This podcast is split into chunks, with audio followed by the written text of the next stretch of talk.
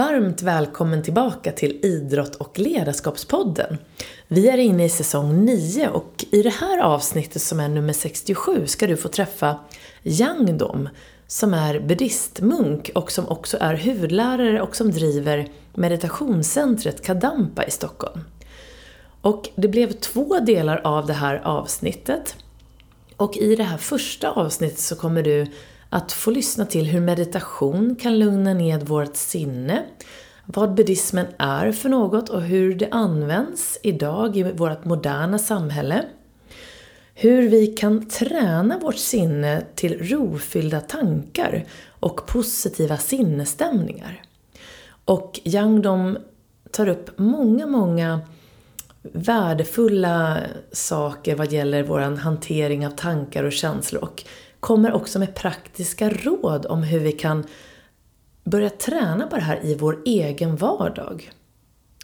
Och eh, det här avsnittet avslutar jag också med att prata med Annika Rydberg som är en av mina elever och som också är praktiserande buddhist. Och hon får svara på frågan om hur hon använder sig av buddhismen i sin roll som golfspelare för att både må och fungera bättre på och av golfbanan.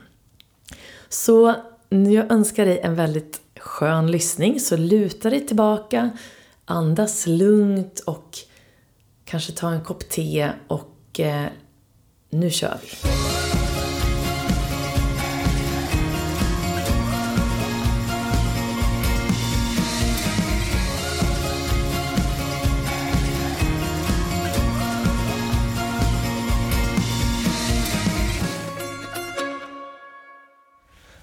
Då är du varmt välkommen tillbaka till Idrott och ledarskapspodden.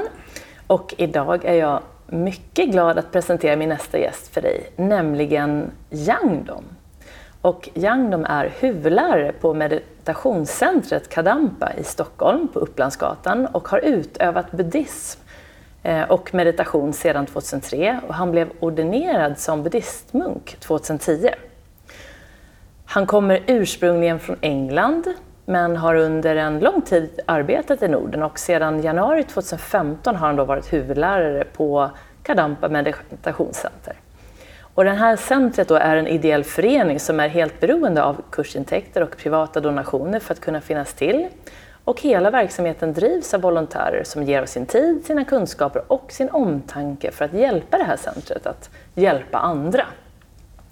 Så idag ska det bli väldigt intressant att prata med Yang Dom mer om just buddhismen och hur det, här att vara buddhistmunk, hur det är att vara buddhistmunk i dagens samhälle. Varmt välkommen hit Yang Dom. Tack Jenny. Vi sitter ju här nu också i det här meditationscentret som är fantastiskt. Och det, du sa att det var ett ganska nytt, just att ni är här på Upplandsgatan.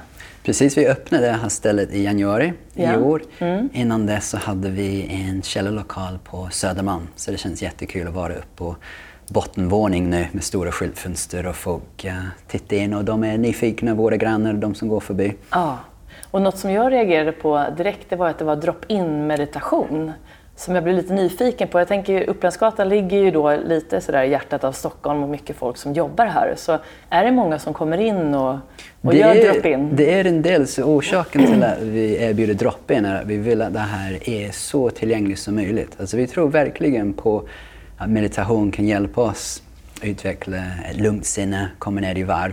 Så vi vill bara att meditation är så tillgänglig som möjligt. Man måste inte binda upp sig på en hel kurs eller en hel termin. Man kan bara droppa in, testa. Mm. Just det. Hur länge håller man på då om man kommer in på en sån drop-in? Det kan vara en halvtimme på morgon och lunchtid eller lite längre, en timme och en kvart på kvällen. Ja. Eller som en halvdagskurs eller en hel, helkurs på helgerna. Så ja. upp till som sex, sju timmar. Just det. Ja. Det ska bli jättespännande att prata mer om, om det här och hur man tränar och vad buddhismen är och så. Men lite grann om din bakgrund till att börja med. Så vem är egentligen Yang Dong? Jo, så jag, um, jag är som sagt en buddhistisk munk. Um, ibland när jag går upp så är det fortfarande som en liten överraskning. Jag har varit munk i tio år, men ändå så känns det ibland lite overkligt. Uh, men det, det, det livet jag har valt, så jag är munk. Uh, eh, men kanske huvudsakligen så känner jag som, som buddhist eh, um, ännu starkare än att vara munk. Uh, så för mig så är det jätteviktigt att, uh, ja, att utöva Buddhas läror. De har gett mig mycket, mycket frid och en, ja, en känsla av förnöjsamhet mm. som jag vill att andra kan också ta del av. Um, så jag, uh, ja, som du läste upp så har jag bott här i Sverige sedan 2015. Innan dess så bodde jag ni, ja, nio år i, i Norge. Mm -hmm. Så när jag först kom hit så tyckte jag, för att vara helt ärlig, att det var lite speciellt hur, hur ni svenskar pratade. Men efter typ tre månader så tyckte jag det var jättekonstigt hur norrmän pratade. Ja, så jag uh, har vänjat mig till det ja, svenska samhället och svenska språket.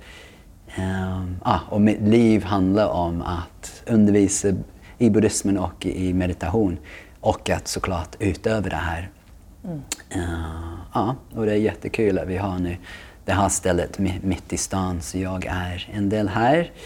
Jag är en del, vi har ett mindre center i, i Uppsala uh, och sen har vi ja, några mindre grenar i, i Malmö och, och Falun. Så jag reser en del Um, jo, men mitt liv går ut på att utöva buddhismen efter min bästa förmåga och försöka ha lite koll på mina tankar och försöka att ja, utveckla och odla positiva sinnesstämningar. Just det. Så apropå meditation, så hur, hur ofta mediterar du? Jo, mm, så när jag går upp så brukar jag meditera någonstans mellan en till två timmar eh, och sen brukar vi göra några böner eller chanting under eftermiddagen. Så det kan ta en timme. Uh, och den inkluderar också lite tystnad för en sån stilla och tyst meditation.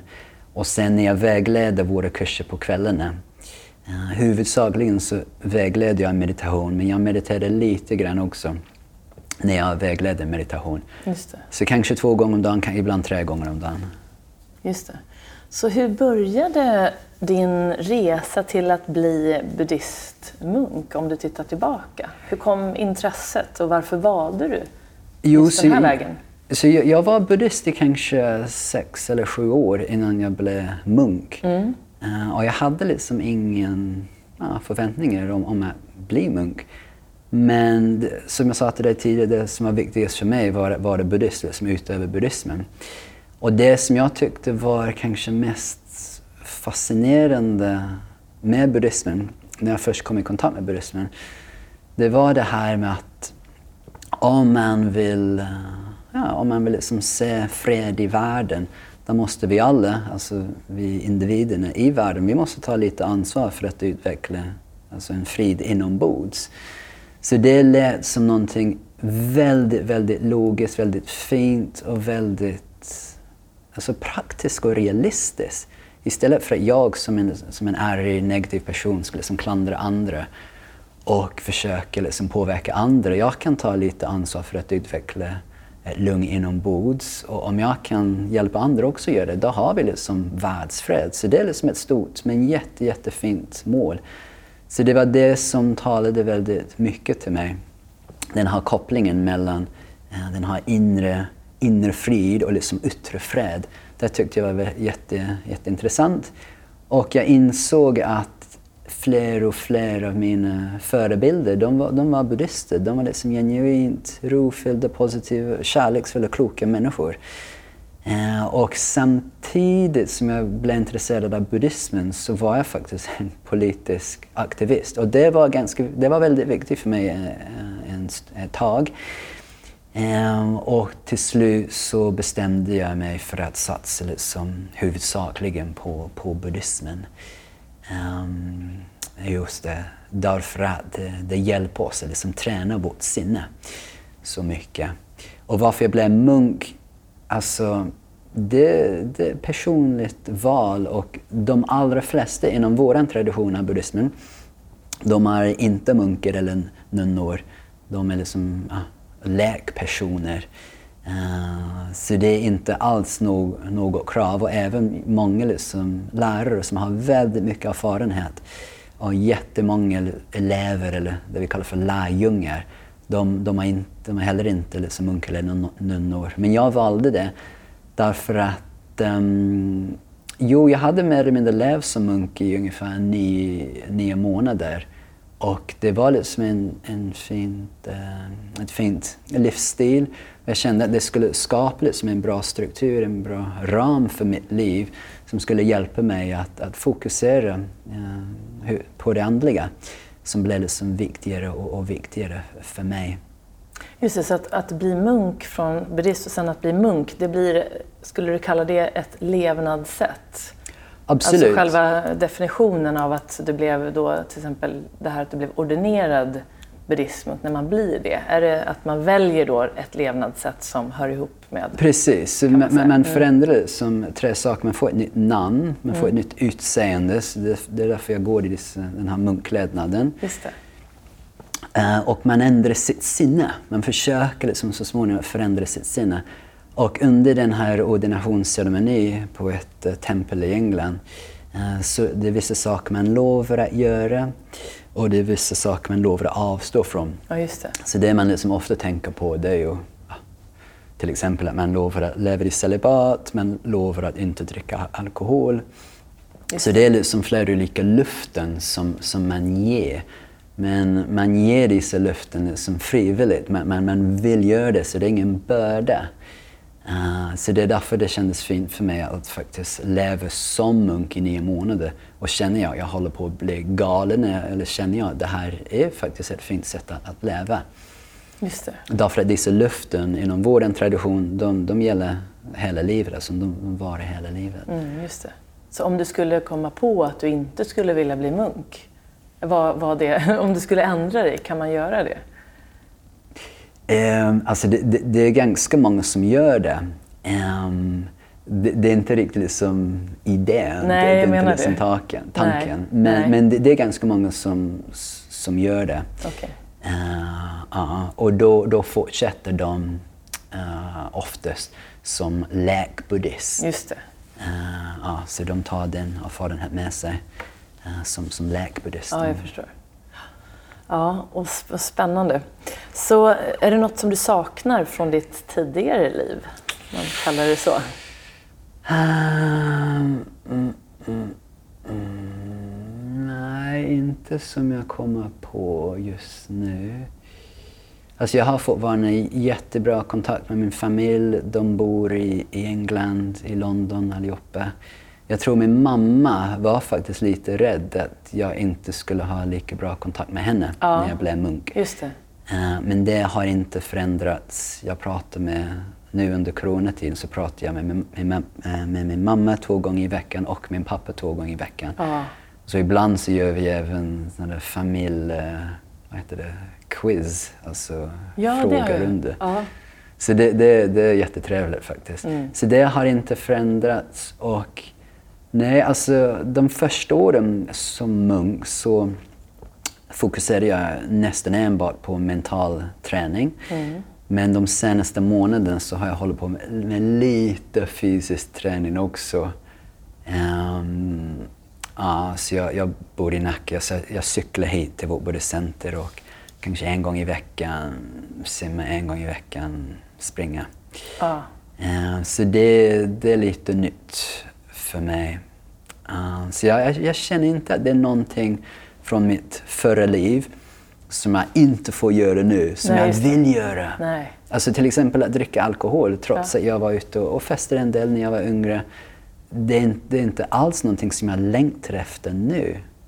Um, jag är så glad för att jag inte dricker alkohol och liksom har ett klart sinne och liksom Ja. sparar pengar och in- inte beter mig på ett sätt som jag ibland kommer ångra. Ja. Men är det inte så att ju mer man, min uppfattning är ju mer man jobbar med sitt mentala, alltså med Mm. sin mentala träning och börjar uppmärksamma sina tankar så alkohol är ju lite grann att den tar bort klarheten. Absolut. Så märkte du det väldigt tydligt då att man vill ju inte förstå, man vill ju liksom inte ta bort den där Ja, klarheten. ja, Nej. precis så. Man vill inte förstöra.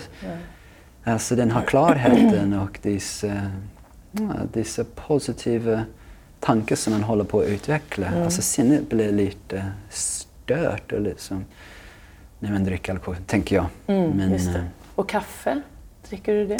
Det, det var, jag skämtar lite, jag har liksom en kopp i månaden. Ja. så varje gång jag har en kopp kaffe så är det liksom en, då är, det, stor grej. Då är det en stor grej. Precis. är det en ceremoni? är inte riktigt Ingen teceremoni, det är kaffeceremoni. men, uh, nej, men på vårt buddhistcenter så erbjuder vi uh, lite te och kaffe. Ja, just det. Ja. så det kan vara liksom ett steg för folk innan de kommer in i meditation så att de först liksom träffar några buddhister i vårt café där. Mm. Ha en kopp te, ha en kopp kaffe, bläddra i några böcker där och sen nästa steg, eller nästa besök kommer de hit. Just det. In i meditationsrummet. Ja, just det. Vi bör kanske ta en bild på oss här. Ja, det skulle vi verkligen göra. Jag tänkte faktiskt på det. Vi får använda den här fina ja, kameran så vi kan sitta eftersom vi är ensamma här. Ja, precis. det får vi lösa. Du, eh, jag tänkte på, nu pratar vi ju mycket om buddhismen, så det kan ju finnas de som lyssnar på det här som inte vet riktigt vad buddhism är. Skulle du kunna förklara vad buddhismen är? Jo, jag kan försöka. Mm. Alltså, jag skulle nog ge lite olika svar på olika dagar beroende på liksom vad jag själv tänker på. Du skulle säkert ha fått ganska många olika svar beroende på vem du frågar, även här på vårt buddhistcenter. Men det vissa, uh, det jag tänker på att, alltså för mig så, har, så är buddhismen uh, utövning av Buddhas läror. Uh, så för mig så är buddhismen uh, utövning av Buddhas läror. Och um, det är genom att utöva Buddhas läror som jag kan på kort sikt utveckla ett lugnt sinne eh, och ett gott hjärta. Och eh, på lång sikt så kan jag uppnå, uppleva det som vi kallar för nirvana eller befrielse. Eh, så det kan låta ganska stort men det är liksom vårt mål att uppnå så småningom befrielse och även upplysning uh, som är en varaktig, alltså ett varaktigt tillstånd av inre ro och lycka. Uh, en orubblig uh, ja, inre ro och lycka. Så för mig så är buddhismen liksom, som, ja, ett levnadssätt som hjälper jag att bli liksom mitt bästa jag. Att, um, att, jag skulle också säga att buddhismen handlar om att identifiera uh, på ett modigt sätt våra negativa tankar, liksom erkänna att vi har vissa negativa tankar och sen tillämpa vissa metoder för att reducera dem och så småningom helt bli av med dem. Så jag skulle säga att buddhismen handlar också om det och buddhismen handlar också om att alltså inte bara utveckla ett lugnt sinne utan alla dessa positiva egenskaper. Så alla vi har en jättestor potential för att utveckla kärlek, medkänsla, visdom som tre exempel. Men inom buddhismen eller genom att utöva Buddhas läror så kan jag då fördjupa mig i dessa sinnesstämningar. Eh, kärlek, medkänsla och visdom. Och uh, så det finns alltså många praktiska verktyg för att fördjupa oss i dessa goda egenskaper som vi redan har. Eh, men ibland så är de lite flitiga lite tillfälliga och ibland inte så djupa som vi vill ha dem. Så buddhismen hjälper mig i alla fall att, att utveckla en djupare och mer bestående upplevelse av dessa uh, sinnesstämningar. Och det gör vi både med hjälp av Buddhas läror som vi liksom lyssnar på, um, eller läsa och begrunda. Det är viktigt med kontemplation. Men det som är jätte, jätteviktigt för att åstadkomma en, en djup omvandling i sitt sinne och därmed i sitt liv, ehm, det är ju meditation. Uh, så meditation hjälper oss att omvandla den här kunskapen till, till insikter. Eh, till, till insikter som är med oss i vår vardag som gör att jag nu ser på mig själv uh, lite annorlunda, ser på andra människor, ser på liksom hela världen, ser på de möjligheter som jag har i mitt liv. uh, med nya ögon och allt ja, känns mer hoppfullt och optimistiskt. Uh, frågar mm. du mig imorgon så ger jag ett annat svar. Mm. Men det är mitt svar för idag. Hur, hur gammal är de här buddhistiska lärarna? Alltså buddhismen, kommer det från Buddha Precis. från början? Var det 2000, 2600 år sedan. 2000, ja, precis. 600 före Kristus ja, skulle man kunna säga. Exakt. Ja. Så, och en lyssnarfråga som jag faktiskt har. Jag har ju med lite frågor från de som eh, lyssnar. Och apropå just buddhismen, skulle du, i skolan fick man ju lära sig att buddhismen var en religion, precis som andra. Men skulle du beskriva det mer som ett levnadssätt? Jag tänker, för det finns ju inte direkt någon gud, utan det var ju... Det, det är en bra fråga. Det? Mm. det? är en intressant fråga. Mm, det, är helt, det, det stämmer att det inte finns någon gud som vi, som vi ber till, eller som vi tillber. Um, så på många sätt så är det ett levnadssätt. Jag vill omsätta Buddhas lag i praktiken uh, i hela mitt liv. Det är inte så att jag, jag går på liksom templet en gång i veckan, utan jag vill verkligen tillämpa Buddhas läror i hela mitt liv. Alltså när jag är hemma, när jag är på tunnelbanan, uh, när jag är med, ute med mina vänner, när jag träffar min familj. Så på så sätt så är det ett levnadssätt. Men, men det är också, för, för mig i alla fall, en religion. Um, I det avseendet att det är vissa saker som jag som buddhist tror på som en icke-buddhist inte skulle tro på, inte på en gång. Um, men för oss inom buddhismen så, har vi en, så vill vi utveckla det vi kallar för tillit eller tilltro. Alltså faith. Mm. Men inom buddhismen så vill vi aldrig ha det som heter blind tillit. Vi vill utveckla tillit till, till Buddha. Vi vill liksom beundra Buddhas egenskaper, uh, Buddhas exempel. Men vi vill inte bara stanna där och liksom jag sitter här, jag kan ingenting och Buddha är liksom helt fantastisk. Utan vi förstår att alltså orsaken till att Buddha framstår i vår värld var för att visa oss vad vi kan åstadkomma med våra liv. Buddha ville att vi skulle åstadkomma samma frid, samma lycka, samma frihet som honom. Um, ja. Och på så sätt så är det kanske lite annorlunda än andra religioner. Så Buddha vill verkligen att vi uppnår precis samma tillstånd som, mm. som honom.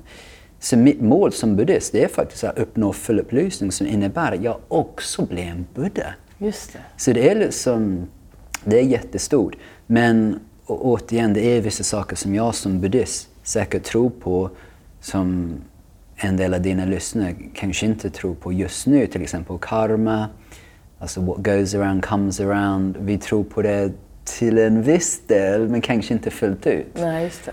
Eller liksom återfödelse, att det finns upplysta varelser. Det tror jag på. Att, eh, eh att jag också kan bli en upplyst varelse, det tror jag på.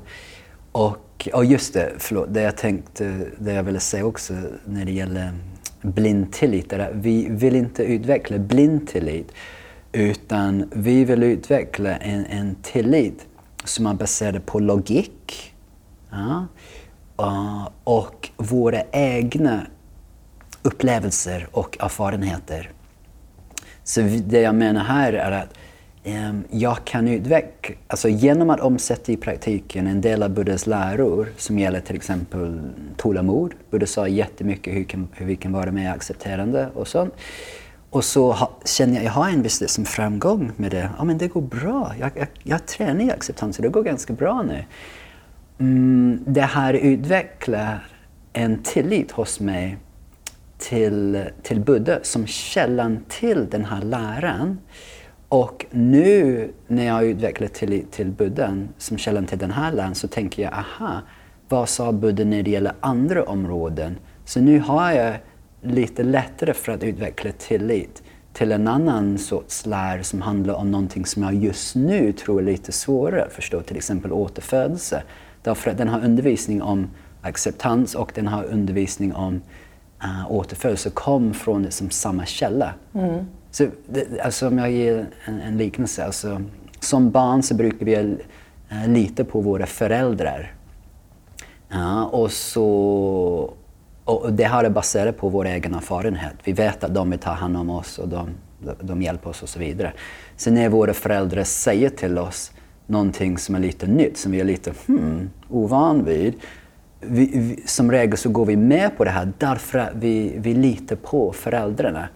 Sen när föräldern säger, ah, men nu ska vi liksom åka, jag vet inte, åka på semester till det här stället. Liksom, mm, ska vi göra det? Och jag vet inte, kommer det vara så trevligt? Men vi gör det ändå därför att vi litar på våra föräldrar. Så jag vet inte om den här liknelsen hjälper oss, men, men genom att liksom utveckla en tillit till Buddha som kommer från vår egen erfarenhet av att omsätta vissa läror i praktiken. Då kan vi även ha en viss tillit till andra läror som vi just nu tror är lite svårare. Just det. Ja, spännande. Så en annan fråga som jag fick apropå buddhismen som, eh, som jag tror många vet, att buddhister ska ju inte döda. Jag kommer ihåg en film, Sju år i Tibet med Brad Pitt, mm. som jag såg när jag var yngre. Och då gick ju, de skulle bygga något nytt hus och eh, när de väl skulle bygga så plockade de bort liksom insekter, man fick inte döda ens ingenting. Men, men måste alla vara vegetarianer då? Ja, det är också en intressant fråga. Ja. För mig så känns det naturligt. Um, det är det jag vill göra. Men Buddha var inte vegetarianer. Han gick runt med sin tiggerskål, han åt det han fick. Och ibland så var det såklart kött och fisk. Um, mm, alltså, en av Buddhas första läror handlar om att hjälpa oss att förstå att lidande finns överallt. Så om jag till exempel äter grönsaker som kanske inte är ekologiskt odlade, alltså hur många insekter har dödats av dessa vad heter det, pestsidor. Ja, och liksom kan man säga att någon, någon liten pest, att deras liv är mindre värd än det som en alltså, stora kossor.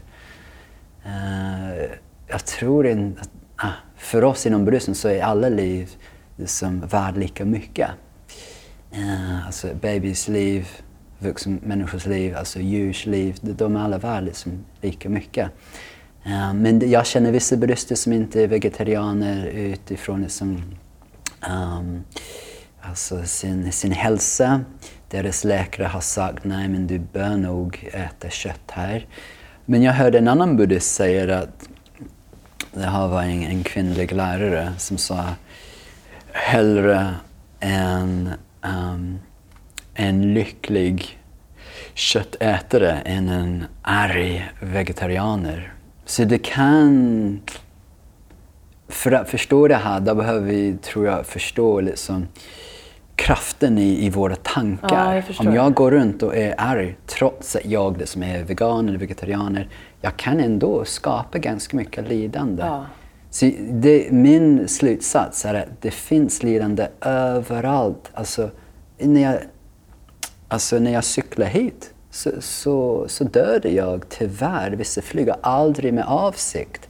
Men liksom, de kommer lite in i munnen, jag försöker få dem ut. Och liksom, ja. När man kör bil. Så min slutsats är att jag, jag ska göra mitt yttersta för att minimera min negativa påverkan på andra. Mm. Jag vill absolut inte, inte döda. Men det finns en subtil skillnad mellan att jag liksom um, mellan att jag liksom dödar något djur och att någon annan uh, redan har dödat. Jag förstår självklart liksom supply and demand. Mm. Alltså om jag mm. köper alltså det här kött gång på gång, då blir bonden liksom mer angelägen att, ja. att odla det. Men, men, men det är inte helt samma sak ur ett buddhistiskt perspektiv. Att döda ett djur jämfört med att äta ett djur. Det är inte helt samma sak. Allt hänger liksom ihop på ett större sätt. Det, det känns enkelt ibland, men jag är vegetarian. Och så om man fortsätter den där kedjan till att se det du säger, att det här har ju också skapat lidande genom besprutning, eller det finns det ett större perspektiv. Så jag tror det var nog en bra, ett bra svar på frågan. Att det kanske inte finns någon regel att man måste vara vegetarian, men det finns ändå ett stort mål av att minska lidandet så ja, mycket som möjligt och att var och en tar sitt eget ansvar för hur man kan göra det på bästa ja. sätt. Precis, så på alla våra buddhistcenter så är det, um, det, det är bara vegetarisk mat som vi tillåter här. Just det.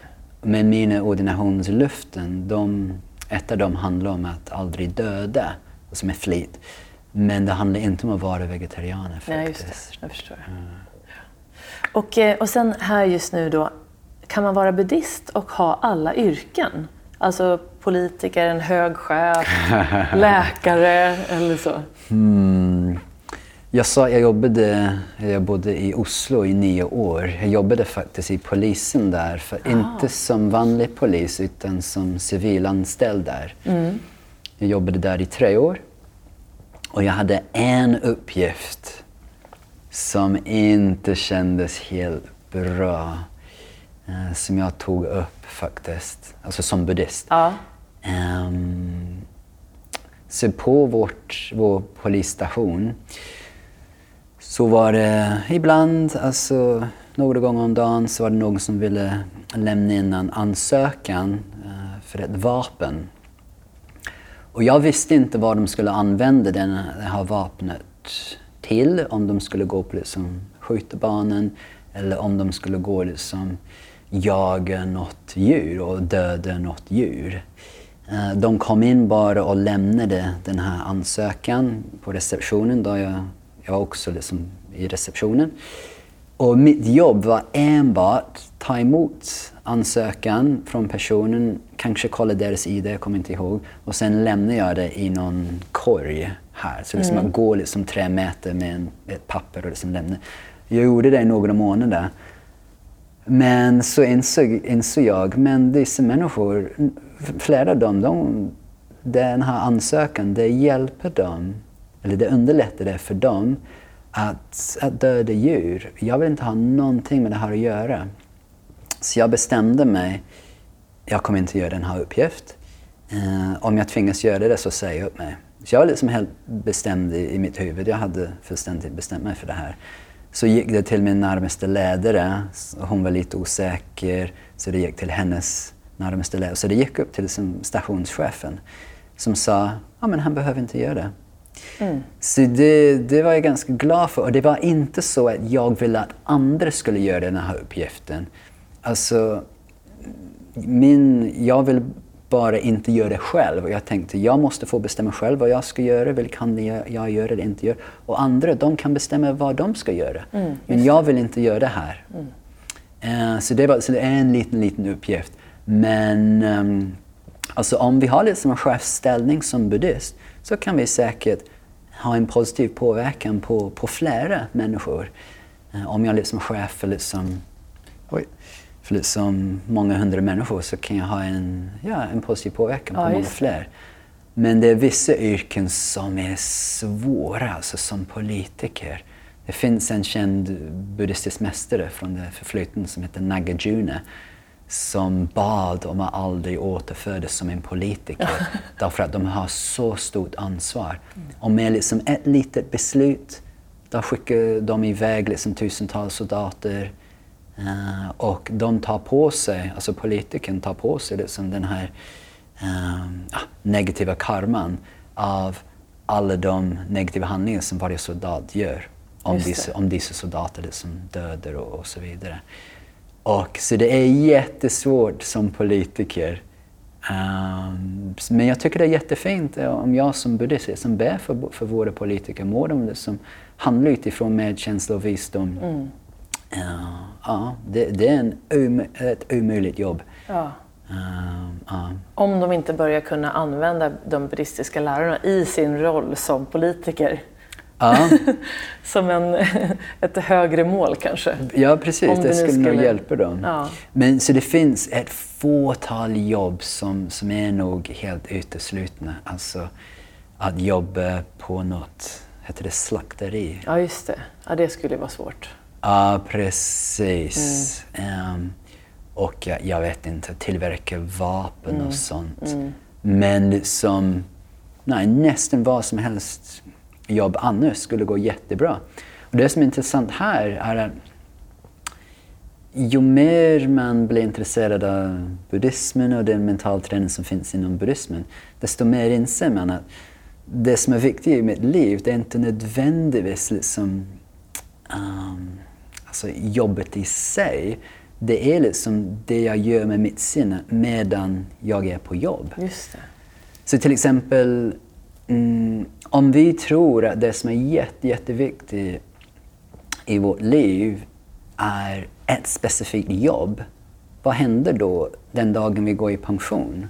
Känner vi att vi har liksom förlorat mening med livet? Det hade varit så himla synd.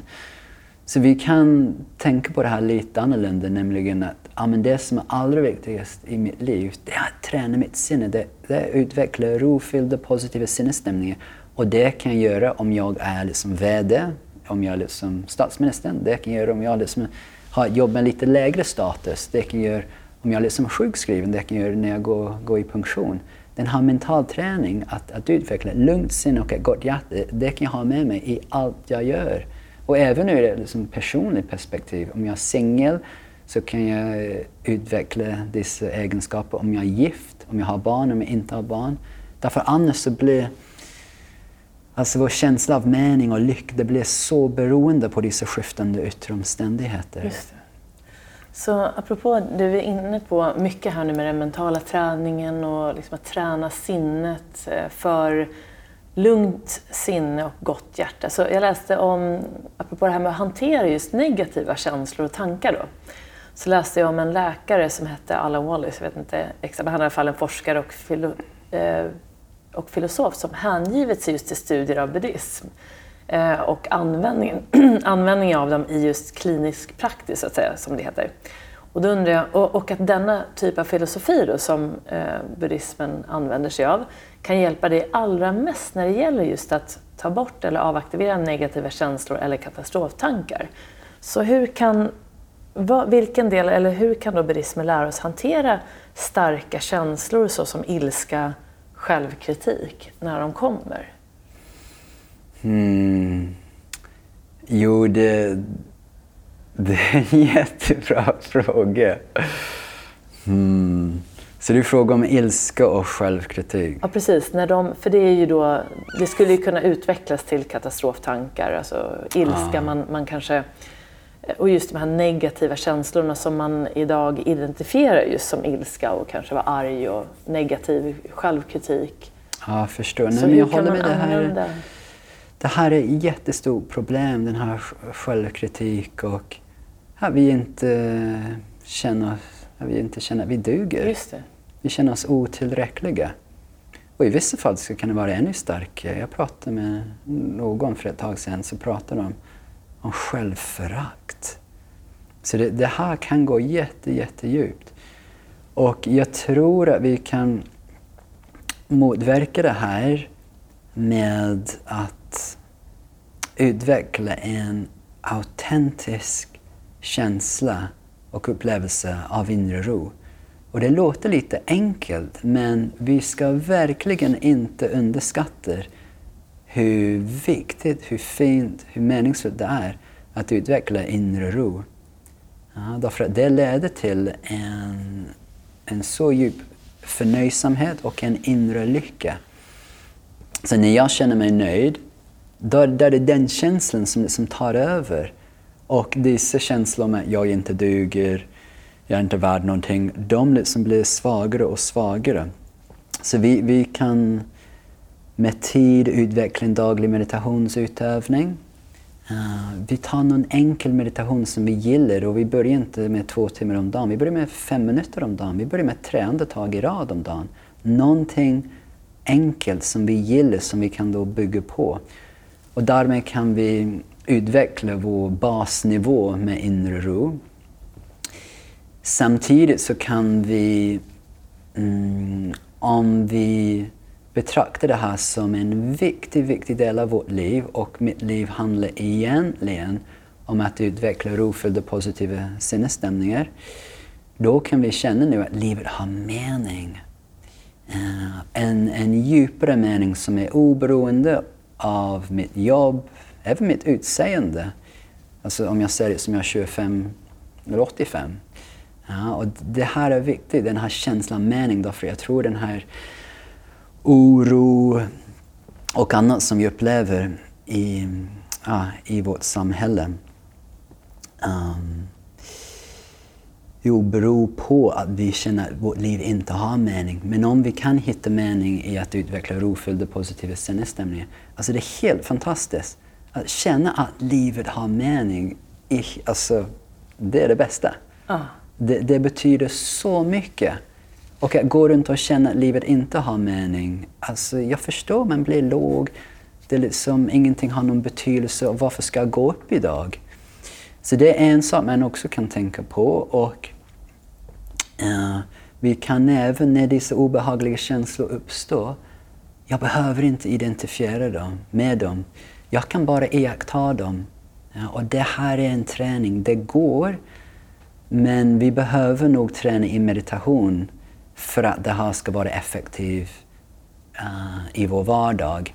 Ja, så dessa olika tankar uppstår och vi observerar dem, vi iakttar dem. Vi kan tänka att vårt sinne är som himlen, vidsträckt och öppet, utan hinder, rymligt, klart, ljust. Och alla våra tankar är som moln. Ja, så de uppstår, men vi följer inte med dem, vi bara iakttar dem, vi bara observerar dem och de löser upp sig och försvinner. Och det finns en jättestor skillnad mellan att säga liksom, oj hoppsan, nu uppstår det några upprörda känslor i mitt alltså vidsträckta sinne jämfört med oj, jag är så upprörd nu. Ja, en jätte, jättestor skillnad ja. där. Det där har jag aldrig tänkt, just det här att man tänker på sinnet som himlen och att tankarna är moln. För jag har hört talas om, alltså det är ett bra sätt just att tänka på tankar som moln, men att i det stora hela så är molnen bara små delar av det här stora ja. sinnet som är himlen. Precis. Och då att du är då, då kan man tänka att man är sinnet som himlen Precis. istället för att du är molnet. Exakt. Mm. Exakt. Och, och inte bara det också att dessa moln, de uppstår och de försvinner. Så vår, våra tankar, inklusive våra negativa tankar, de består inte. De är förgängliga eller obeständiga. Ja. Men vårt problem är att när, när det uppstår någon obehaglig känsla, vi griper hårt vid den och vi tänker oj, nej, nu kommer jag må så här för alltid. Och det här gripande gör själva känslan ännu värre. Ah. Så vi kan tänka liksom, alltså en storm mitt på natten förstör inte himlen. Trots att det är liksom bråkigt, liksom jättestort med blixt och åskar.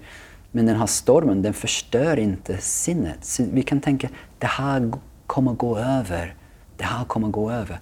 Och det vi gör med vår meditation, då tränar vi i att observera dessa tankar. De uppstår, oh, det var lite jobbigt det här. Men jag vet, jag vet att det här kommer gå över. Och, nu, och då utvecklar vi ett visst självförtroende till, till oss själva. Och då vet vi att, att vi kan klara av dessa olika situationer när alltså svåra känslor kanske kommer uppstå. Så vi, vi, vi är redo, vi har tränat i det här. Vi vet att de kommer, men vi vet också att de kommer försvinna. Mm, just det. Då ska vi fortsätta det här avsnittet med att få prata med en av mina elever, nämligen Annika Rydberg, som inte bara är en fantastiskt duktig golfare utan också praktiserande buddhist. Så det var Annika som eh, rekommenderade mig till Yang Dom och anledningen då att jag fick träffa Yang Dom och prata med honom här. Och eh, nu har ju jag och Annika pratat en hel del under våran träning om just hur du kan både må och fungera bra på golfbanan och under den här resans gång så har då Annika tagit med sig en hel del från eh, buddhismens läror. Så jag tänkte idag fråga Annika hur hon egentligen har tagit med sig och vad hon har tagit med sig för att fungera och framförallt då må ännu bättre på golfbanan och kanske utanför golfbanan eftersom vi vet ju alla då att när man mår bra så presterar man också bra. Så välkommen hit Annika! Mm, tack så mycket! Jätte, jätteroligt och spännande att få, få prata om det här. Mina två favoritämnen, buddhism och eh, eh golf och hur det ja. fungerar ihop. För det kan jag faktiskt säga att ett tag så undrade jag om det gick att kombinera och, och, det har jag kommit fram till att det gör det verkligen. Ehm, det här som jag praktiserar heter ju då modern buddhism, så det, det är Eh, en gren av den buddhismen som vi alla lärde oss om i skolan. Eh, rakt nedstigande led från Buddha Shakyamuni som de flesta kanske känner till. Men då anpassat till vårt västerländska samhälle. Så böckerna finns på svenska, eh, undervisningen sker på svenska eller engelska. Det finns i, i hela västvärlden och eh, tanken är ju att du ska kunna, som man säger då, praktisera buddhism i vad du än gör. Det ska vara för den moderna människan, för oss alla som fortsätter att leva vanligt liv och även då spela golf. Ehm, så lite då som inledning då, eh, eller som svar på din fråga. Sen ehm, har jag ju reflekterat eftersom jag då har gått hos dig som elev och även kände till Unestål tidigare att eh, det kommer ju från buddhismen allt det här som vi pratar om mindfulness, eh, lugn, andningen, ehm, eh, leva i nuet. Allt det här kommer ju från den buddhistiska läran. Och det, jag vet inte om, om Unestål säger det, men, men, i alla fall i vissa mindfulnessböcker så, så refererar man inte det. Så att, svaret på din fråga om någon tror oj nu kommer hon med något revolutionerande jättenytt och spännande. Det är ju lite det jag har lärt mig hos dig Jenny, fast jag kopplade till buddhismen. Just det. Mm. Men en, en, en stor, eh, vad ska jag säga, någonting som är jätteviktigt i, i det vi praktiserar och det som du pratar om och det som jag bär med mig, det är sinnet. För här i västvärlden så pratar vi ofta väldigt mycket om eh, våra tankar och vi tänker hjärnan och, och vi tänker kropp kroppen. Men i buddhismen så pratar vi om sinnet. Och sinnet är då, säger vi då, sitter i, i det andliga hjärtat, i hjärtchakrat, mitt i bröstet. Och det är där vi eh, skapar vår värld, det är där vi upplever saker, det är där allting finns. Ehm, och bara genom det lilla tänka i golfen eller allting annat jag gör, att jag flyttar fokus från huvudet till sinnet är ju otroligt värdefullt. Och det tror jag vi pratade om Jenny vid något tillfälle. Jag kommer inte exakt mm. ihåg vad du kallade för fokuspunkt eller vad, vad är det Just du säger där? Jo, alltså det var så himla spännande för jag pratar mycket om fokuspunkten, att ta ner tankarna till en punkt som ligger ungefär 10 centimeter under naven och den praktiken, eller den övningen kommer ju från eh, samurajerna från början. Mm. Väldigt mm. använd bar eh, fokus för att liksom dels få kontakt med de stora muskelgrupperna men ett mentalt fokus under naveln ger dig också balans och stabilitet. Och sen när du då gick vidare med det här och vi, vi pratar mycket om hjärtat och när du tar fram dina mål så vill vi att det ska komma ur hjärtat och, mm. och så sa ju du vid ett tillfälle sådär att du hade istället för att gå till fokuspunkter så gick du till hjärtat och det var en sån bra att när du var på golfbanan, till exempel mm. när prestationen kanske tar mm. över och det mm. börjar komma de här negativa krav, eller det behöver inte vara negativt, men de här kraven, nu måste det gå, nu måste det gå. Och då kanske man hamnar mer uppe i hjärnan där du mm. börjar tänka på svingen och analyserar. Och, och, och hur, hur, upplevde du det där när du liksom gick ner i just hjärtat då? Använder du det på det sättet? Ja, och jag tror till och med att jag sa till dig att för första gången så verkligen kunde jag koppla ihop den buddhistiska läran med eh, idrotts... Eh, så att säga, det som du lär ut och som man lär sig på andra ställen när det gäller idrott och fokus och, och att inte tänka så mycket. Att kunna verkligen gå ner i det som jag kallar sinnet eller hjärtat. Jag sa nog hjärtat men för mig är det egentligen sinnet jag menar att tänka att, Just det. att, att, att, att vara där, ha fokus där. Och en annan eh, sak då som, som vi tänker som, som buddhister det är att allting finns faktiskt i sinnet. Det är inte ehm, den här goda maten som gör oss lyckliga utan det är hur vi upplever den här goda maten i sinnet. För god mat är inte god mat om man äter hur mycket som helst utav den. Att allting verkligen finns i sinnet. Och då tänker vi också att sinnet upplever allting. Så det som har varit tidigare och som sinnet upplevde då, det finns ju inte längre. Och det som ska ske, som sinnet kommer att skapa framöver, god mat, dålig mat, bra slag, dåligt slag, det har inte kommit än. Så det är verkligen bara här och nu och det vi känner idag finns i sinnet som, som, som existerar. Och det är precis det som du pratar om, att vara medveten. Men för mig då eftersom jag jobbar med att tänka att allting finns i sinnet i allting jag gör så blir det väldigt användbart för mig i golfen när jag kommer och får för mig att tänka att här slog jag i vattnet en annan gång så kan jag verkligen jobba med att tänka, ja men det var ju i sinnet som jag upplevde att det var jobbigt. Det, det sinnet som fanns då finns inte längre, det är borta. Nästa vecka ska jag spela här igen, det finns inte heller, utan det är verkligen bara här och nu och den upplevelse som jag, som jag skapar av att slå över vattnet just nu. Just det, och det jag tänker på när du säger just eh, sinnet då som i buddhismen vad jag förstår nu då finns i hjärtat är ju att hjärtat har man alltid med sig och kroppen är ju mm. alltid i nuet. Mm. Eh, vi vet ju att kroppen och hjärtat hänger ihop med kroppen om man tänker i alla fall fysiskt då. Och då vet man ju att när man riktar uppmärksamheten till kroppen, till någon del av kroppen så är man ju alltid i nuet också. Mm. Och eh, om, om, man tänker sinnet i form av tankar eller hjärnan då istället. Då kan ju den vandra framåt i tiden, bakåt, hur mycket som helst. Mm. Så jag ser ju att du är här nu jag sitter här men jag mm. kan ju tänka på mina barn och vad de äter till frukost. Och mm. då tappar jag ju ditt fokus. Så skulle du kunna säga att det, är, att det är också ett sätt att, apropå att hjärtat är ju här och nu, alltid?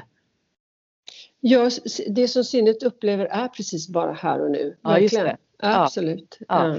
Ja, men vad bra att du sa. Jag har alltid, jag uppfattade inte just att sinnet var hjärtat. Det blir ju då på ett helt annat sätt eftersom när du utgår från hjärtat, apropå det här jag jobbar med då också med mental mm. träning, där grunderna, där ingår ju då förutom avspänningsträning och självbildsträning så ingår ju också målbildsträning. Mm. Det är så lätt att målen hamnar ifrån huvudet eller från hjärnan mm. i form av resultat kanske och, och det är inte fel, det är bara det att det gäller att det är du som verkligen vill det här och då brukar jag säga att dina det du vill och dina önskade lägen ska komma från hjärtat. Ja, och, och då pratar mm. jag om det andliga hjärtat men det spelar egentligen så ja, väldigt stor Men det är ja, det, det andliga hjärtat. Ja, för det är två, så, precis. Ja, ja. Men finns det något annat som du upplever att du har tagit med dig? Så har du tagit med dig det där in i din rutin då? på golfbanan? Det här som ett sista fokus till exempel? Jo, jo men det har jag absolut och så glömmer jag bort det verkligen till och från, men, men, verkligen, och du, som du frågade mig häromdagen när det hände en viss grej, ja men var var det någonstans? Ja just det, då var jag uppe i huvudet igen. Så det har jag i min rutin att, att, eh, att vara i mitt andliga hjärta när jag slår.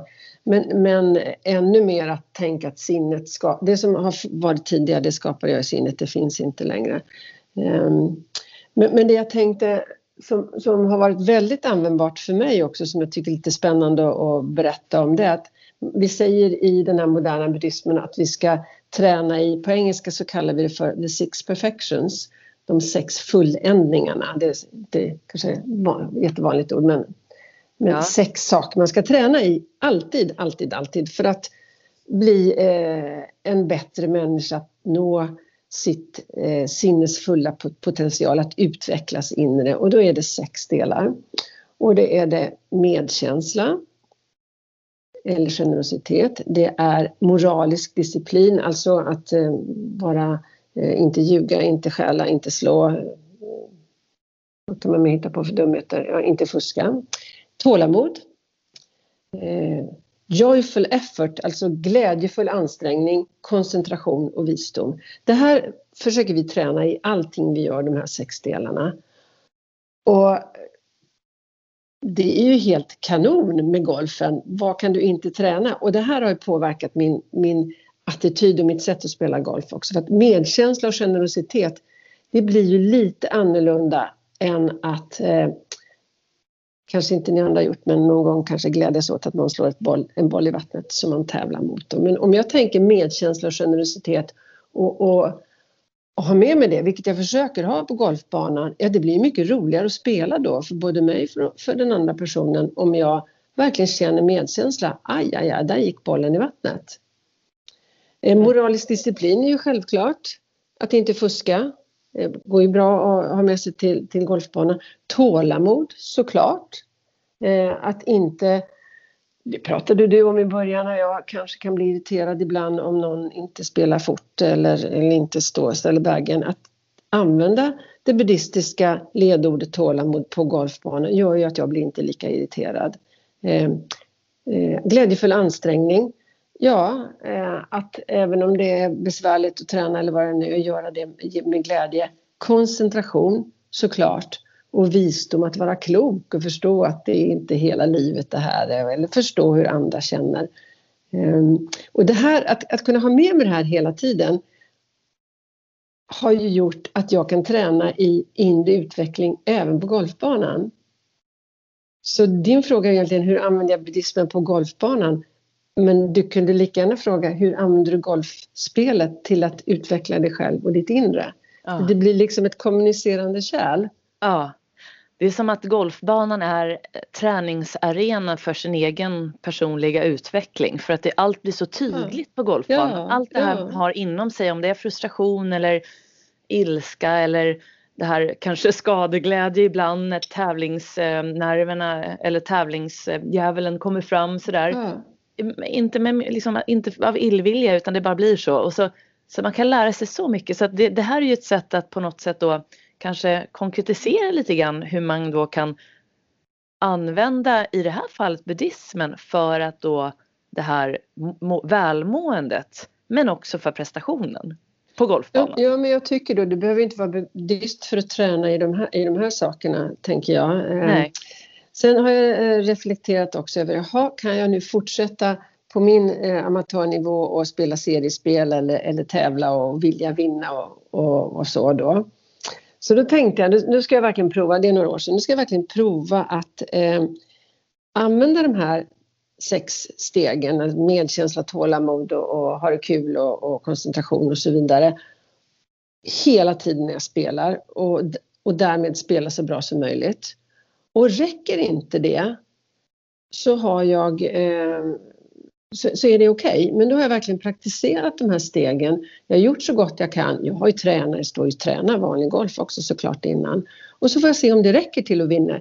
Och aldrig tänka då åh vad bra, nu slog hon ut i skogen. Eller oj, aldrig fundera utan bara vara var generös och känna medkänsla mot de andra. Jag lyckas inte alltid men jag försöker. Och mm. jag, har inte, jag har inte sämre resultat i tävlingarna, inte på något sätt. Nej. Men jag är mycket gladare när jag är klar. Mycket ja, gladare. Ja, och just det där att kunna rikta fokus till det man kan påverka och släppa ja. taget om det man inte kan påverka, vilket då är andra människor. Man tävlar med sig själv och kanske då mot banan om det ska vara någonting. Precis, precis. Mm. Ja. Men, eh, så fantastiskt att höra dina reflektioner. Jag tycker att det har varit så spännande att, att höra dig nu och sen ledde det till då att eh, det här samtalet med Yang då blev av som blev två avsnitt. Så mm. det, jag hoppas att alla som lyssnar här nu också kan prova de här sakerna. Man behöver som du säger inte vara buddhist för mm. att prova det här utan det här är ju egentligen lite allmän allmänna råd eh, till eh, välmående och för att då kunna rikta fokus till rätt saker. Så att du ska både kunna må bra och nå din fulla potential. Precis, både på golfbanan och i livet. Just det. Tack snälla Annika för att du var med idag och varmt lycka till med eh, allting fortsatt. Jag ser fram emot att höra mer om din fortsatta utveckling. Tack själv och tack detsamma. Tack så jättemycket. Hej då! Hej då!